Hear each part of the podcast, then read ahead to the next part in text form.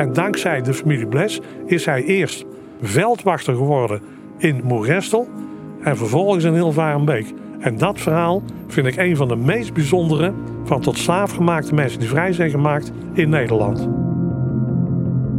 Slavernij. Ruim 200 jaar verdienen we er goed geld aan. Dit jaar, 2023, is het 150 jaar geleden dat de tot slaafgemaakten echt vrij waren. In onze geschiedenis is dat nog maar kort geleden.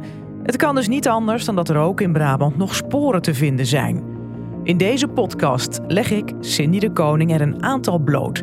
En dat doe ik in een paar van onze steden. En daar praat ik met mensen die veel weten van de geschiedenis van de stad en een soms bijzondere inwoners in de breedste zin van het woord. Zo krijg jij een beeld van die tijd en hoe we hier in Brabant leefden. Welkom bij Zwart-Wit Verleden. Dit is aflevering 5. Tilburg in omstreken. Het verhaal van de regent en de zwarte veldwachter. Nou, dit is de Bleshof. Dit is de achterkant van, van, van de flats en de winkels aan de kant van de Schouwburg in Tilburg. Dit is Paul Spapens, een markante man. Grote snor, hoed en lang wit haar. Paul is oud dagbladjournalist, maar zet zich vooral al zijn hele leven in voor erfgoed en historie. Hij weet veel, heel veel over Tilburg. En dus ook over de familie Bles, want daar gaat dit verhaal over. Een van de vele rijke families die ook in Brabant, in de tijd dat de slavernij volop werd bedreven, veel geld verdiende aan koloniale handel. Maar het is echt een achterafstegen. Ja. van, van, uh, ja, dat het bijna onvoorstelbaar is dat ze dit een straatnaam gegeven hebben. Maar op deze plek uh, stond dus oorspronkelijk het, het, huis van de familie Bles. Dus vandaar dat het in 1983 is deze straatnaam gegeven. Dus zo lang al heet het uh, Bleshof. Maar ik denk als er duizend Tilburgers zijn, dat er 999,5 niet weten waar de Bleshof ligt. Dat is ook wel bijzonder. Even, even, kijken, ik omschrijf het even. Het is inderdaad zo'n steegje. Uh, waar eigenlijk vrachtwagens uh, laden lossen. Rolluiken, uh, graffiti. Vrijhouden in verband met noodtrap. Een grote noodtrap van het flatgebouw wat boven ons uittorent. Het is gewoon geen prettig straatje. Daar ben ik met jou eens. En de familie Bles die is in 1699 vanuit Helvoort naar Tilburg gekomen. Daar hebben ze hier een huis gekocht. En in dit huis hebben ze tot begin 19e eeuw uh, gewoond. Dus zoals gezegd, die familie Bles kwam uit Helvoort. Maar die heeft zijn oorsprong in de Randstad. En dat was een protestantse familie. En dat was een protestantse regentenfamilie. En die, Rijk dus. Rijk, hè, maar dus dat protestants en regent, dat, is, dat vraagt echt om een interessante toelichting. Eh, want regenten, families, eh, die leefden vooral in de 17e en 18e eeuw. Dat waren families die hadden altijd de mooie baantjes. Notaris, burgemeester, uh, schout. Dat was typisch regentenfamilie. Dus de familie Bles was dus zo'n familie. En uh, in die tijd hè, waren de protestanten, die hadden de macht in Brabant. Dus de katholieke Brabanders, dus 95% van de Brabants was katholiek. Die leefden in een ondergeschikte positie in hun eigen land. Dus het katholieke geloof, het openbaar beleiden was verboden. En, en alle mooie functies, die dus, zoals ik die net benoemde, bij een regentenfamilie, die waren altijd toebedeeld aan protestanten. De familie Bles was dus een belangrijke familie. Ze kregen vijf kinderen die allemaal goede functies kregen. Zo ging de oudste zoon Marcellus bijvoorbeeld naar de Oost. En daar was hij een succesvol handelaar. Hij verdiende daar veel geld mee en kocht daarmee uiteindelijk de heerlijkheid Moergestel. Een andere zoon, Cornelis, bleef in Tilburg. Hij was al op jonge leeftijd notaris en zat ook in de gemeenteraad. Cornelis trouwde met Marthe Beneu, ook afkomstig van een gegoede familie. En deze familie was eigenaar van de plantage Nieuw Mokka in Suriname. Dus toen uh, die van Bles huwde met Marthe, toen werden zij samen eigenaar van die plantage Nieuw Mokka aan de Kotika-rivier in Suriname. En omdat zij dus eigenaar werden van een plantage waar tot slaaf gemaakt werkte. En zo is dus zeg maar, het historische feit ontstaan dat een Tilburgse familie, ik mag wel zeggen van Tilburg in die tijd of all places, eh, dus inderdaad ook, ook een familie is geweest in Tilburg met een groot aantal tot, tot slaafgemaakten.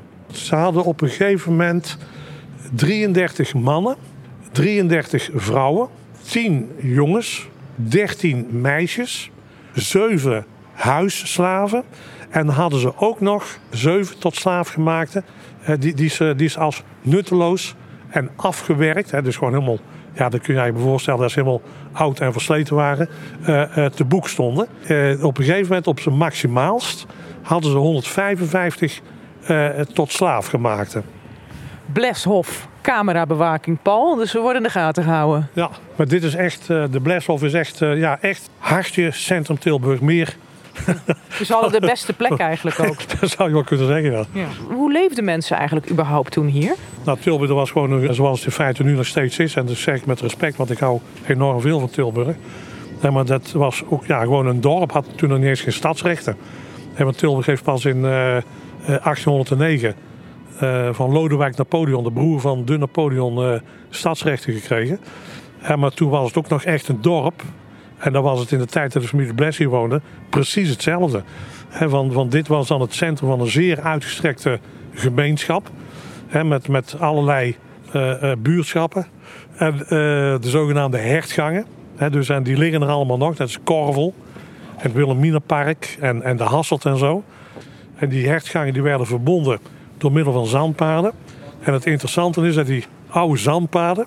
dat zijn nu nog steeds de verbindingswegen tussen de wijken die zijn ontstaan rondom die hertgangen. Maar een groot dorp hè, waar veel boeren woonden en waar de mensen de kost verdienden met, uh, of als om industriële arbeid ging met het weven van stoffen. Het weven van stoffen dus. En dat deden de mensen thuis of in fabriekshuizen.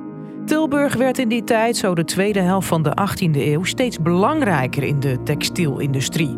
En de oudste zoon, Marcellus Bles, investeerde ook veel in die opkomende textielindustrie. Ondertussen wandel ik met Paul een stukje verder, want hij wil me nog iets vertellen. Iets wat voor hem persoonlijk een van de meest bijzondere verhalen is die hij kent rondom dit thema slavernij. Vlakbij de Bleshof, eigenlijk er tegenover, staat de Pauluskerk. Een mooie, ja, sobere kerk, wit pleisterwerk, wel glas- en loodramen. Maar ja, niet de tierlantijnen van een uh, katholieke kerk, want het is een Nederlands hervormde kerk en die zijn veel soberder. 1822 gebouwd, ja, de familie Bles was er hier, toen waarschijnlijk al niet meer, maar uh, het verhaal gaat wel een klein beetje door eigenlijk, hè? Ja, en het gaat, het gaat een klein beetje door, zelfs op een heel bijzondere manier, want ze hadden toen zij, uh, vanuit Suriname, hebben zij een knecht meegebracht, die was daar een tot slaaf gemaakte. Toen hij hier in Nederland kwam, werd hij vrij is hier in Tilburg is hij gedoopt, is hij getrouwd en vanuit Tilburg is hij achtereenvolgens veldwachter geworden in Moergestel en in Hilvarenbeek.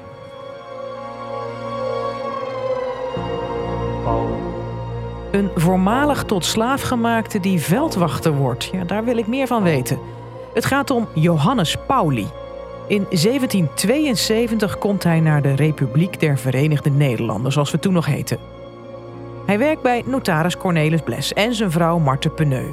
De naam Johannes Pauli krijgt hij bij zijn christelijke doop op 18 april 1779.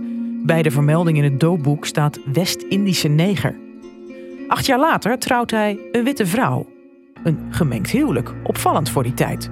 En ze krijgen een kind. En weer vier jaar later verhuist het gezin naar Moergestel voor zijn nieuwe baan. En daar schrijven ze zich in bij de gereformeerde gemeente, de kerk dus. Nee, we zijn niet welkom.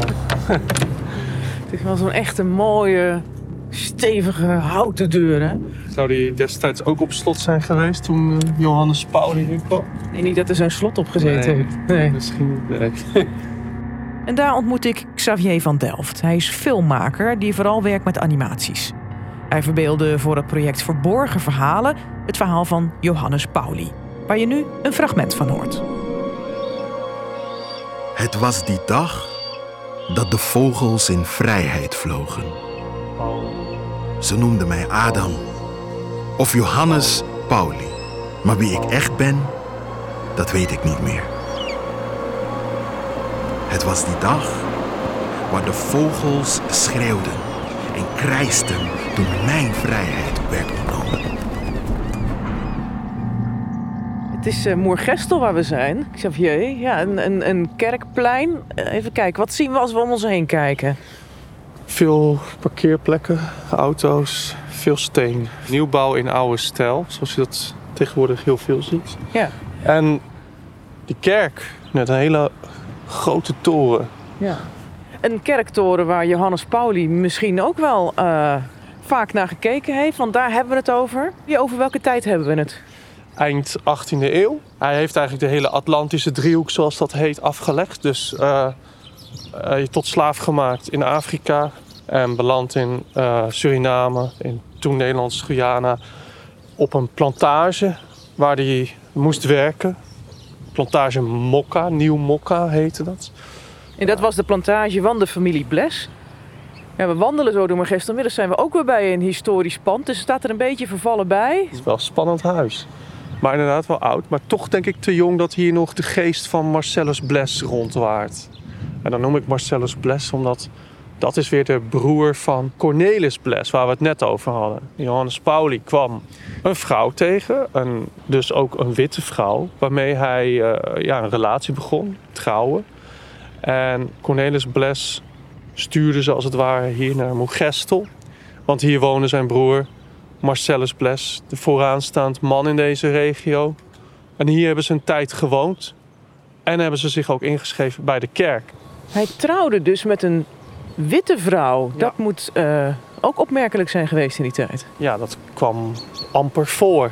Er waren niet veel mensen ja, met een zwarte huidskleur in dit deel van uh, Europa. Zeker niet in Brabant. En dan had je Johannes Pauli die hier dus ja, uh, zijn liefde tegenkwam. Anneke van der Schans. Ja, dat er helaas leidde dat ook tot een beetje uitsluiting in de gemeenschap. In de archieven lees je dan verhalen dat ze niet echt welkom waren. Maar eigenlijk kan je daar gewoon al tussen de regels doorlezen dat het gewoon racisme was. Toen al. Ja, dat is dus uh, dat pad wat Johannes Pauli hier in Moergestel heeft afgelegd. Ik weet niet wat vrijheid is. Want ik ben dan vrij. Maar nog steeds gevangen. Toen een slaaf, dan een knecht. Een statussymbool voor huizenbles. Een zwarte dienaar, goed voor het werk, maar mij als mens zagen zij niet.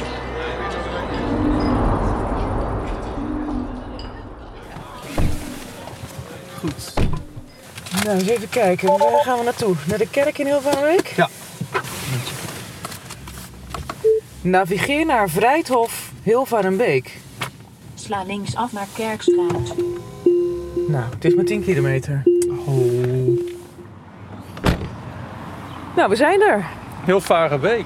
Ja, Vrijthof. Precies. Kijk, die kerk, die zie je dus ook in die animatiefilm die ik gemaakt heb. Met dat gekke uitstulpinkje. Maar dat was het beeld wat ik wilde. Deze kerk de kerk die hij zeker moet hebben gezien. De kerk die hij heeft gezien toen hij hier rondwandelde en orde moest handhaven. Ja, je voelt een beetje de historie op dit, uh, op dit pleintje, op dit, op dit hof. Ja, je ziet het ook. Het is toch anders dan Moergestel. Ja. Een uh, muziekkiosk, een hele oude boom, oude panden. En uh, liep hij rond, sprak die mensen aan op fout gedrag of orde handhaven. En ging die misschien ook wel naar de kerk met zijn vrouw en al zijn kinderen? denk ik wel. Hé, hey, waar staan we nou? Dit is een uh, domineeshuis. Um, Protestantse gemeente Hilvarenbeek. Precies. Klein kerkje. Gebouwd in 1809. Dat is in het jaartal geweest wanneer uh, Johannes Pauli dus al geruime tijd hier ondervorser was. Of een uh, veldwachter zo genoemd. En daar is in dat jaartal, dat is een, is een triest verhaal.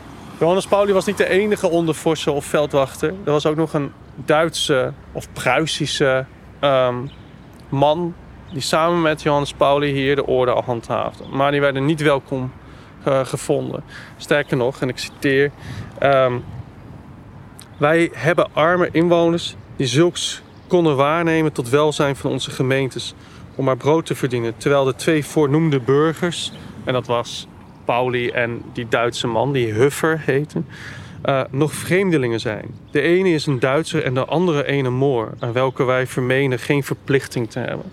De mensen keken op, op hen neer, zeker op Johannes Pauli. En sterker nog, in 1809 bij een, uh, een uh, oneenigheid in een, in een kroeg. Misschien wel een van de kroegjes hier? Misschien wel. Ja, en toen? En Johannes Pauli, het was ko ja, Koningsdag, het was Stadhoudersdag. Willem werd later koning. Um, was er oneenigheid in een kroeg. Johannes Pauli wilde ingrijpen. Wordt hij in elkaar geslagen en wordt hij beschimpt. En dat, dat is best wel heftig. Als je, dat staat in de archieven ook. Maar ga maar na, als een orde handhaver door het volk zelf daar nog niet naar wordt geluisterd, is het heftigste wat je kan overkomen. Dat je gewoon slaag krijgt. En dat laat zien dat, hij dus, dat zijn functie niet echt werd gewaardeerd en ook niet werd gerespecteerd. Zelfs al leefde ik hier, tussen de notabelen van de familie Bles, als rijkswachter in Hilvarenbeek, wie ik ook ben en wat ik doe, altijd, altijd, het doet er niet toe. Het is enkel mijn afkomst die telt. Ze veroordelen mij. De, de regenten hier, die hadden wel partij gekozen voor Pauli en zijn familie. En voor uh, Huffer, de, de Duitse of Pruisische hondenvorsten. Zij zeiden namelijk, zij verdienen het niet om zomaar aan de kant te worden gezet. Zodat zij met hun vrouw en kinderen tot den bedelzak gebracht werden. Dus dat zei ook al wat dat het bestuur hier het op zich het beste wel voor had. Maar dat hij gewoon door het volk echt uh, niet omarmd werd en echt weggejouwd. Waar, waar, lopen we nou naartoe, uh, Xavier? Dit is de Wouwerstraat. De Wouwerstraat is een zijstraat van uh, het grote plein van Hilvarenbeek. Van de Vrijthof, ja? Ja. En um, hier is een veldwachtershuisje, of ik weet niet of het er nog staat, maar daar is het achterkleinkind van Johannes Pauli geboren. Johannes Pauli had dus een aantal kinderen. Piet Pauli was een kleinkind van uh, Johannes Pauli, Petronella Pauli. En die bleef hier ook wonen. Die kreeg hier een kind, dat heette Pieter Pauli. En met al die mensen is het niet echt leuk afgelopen. Allemaal een slecht leven. Ja. In ja, verdoemenis. Het is wel uh, indrukwekkend. Zeker om te zien. Ik was hier al eens geweest voor mijn project om research te doen. Maar nu loop ik weer alsof ik in mijn animatiefilm rondloop. Het verhaal van Johannes Pauli. Hij is altijd ofwel slaaf geweest, ofwel een soort semi-vrijheid. Maar de anderen hebben altijd voor hem de keuzes bepaald. Tot zijn dood in 1819 bleef hij veldwachter in Hilvarenbeek. Van zijn zes kinderen traden er drie in zijn voetsporen. Oudste zoon Jacobus volgde hem op in Hilvarenbeek. Zoon Johannes werd veldwachter in Udenhout en zoon Paulus in Oosterwijk. Tot zover aflevering 5 van de podcast Zwart-Wit Verleden. In de volgende en meteen ook de laatste aflevering zijn we in Helmond. En dan hoor je meer over de schout Johan Biertempel, die in Suriname plantages had, maar een slechte reputatie. Een hele harde, strenge, brute meester. Eenmaal terug in Nederland, in Helmond, werd hij ter dood veroordeeld vanwege een grauwelijke daad. Hij is uh, veroordeeld voor incest, incest met zijn dochter. Deze podcast was er niet gekomen als niet al mijn enthousiaste gasten hadden meegewerkt en meegezocht naar de verhalen uit Brabant. En voor deze aflevering nog een speciale shout-out naar Xavier van Delft en zijn team, die het materiaal van zijn animatie beschikbaar stelde om het verhaal van Johannes Pauli te vertellen. Wil je verborgen verhalen zelf zien? Ga dan naar de site van brabantserfgoed.nl. Dank ook aan Omroep Brabant voor wie ik deze podcast mocht maken. Om zo meer te leren over onze geschiedenis. Vind je dit een podcast die meer mensen zouden moeten horen? Geef het dan een recensie en tip ze er vooral over. Reageren kan natuurlijk ook podcast.omroepbrabant.nl. Tot de volgende!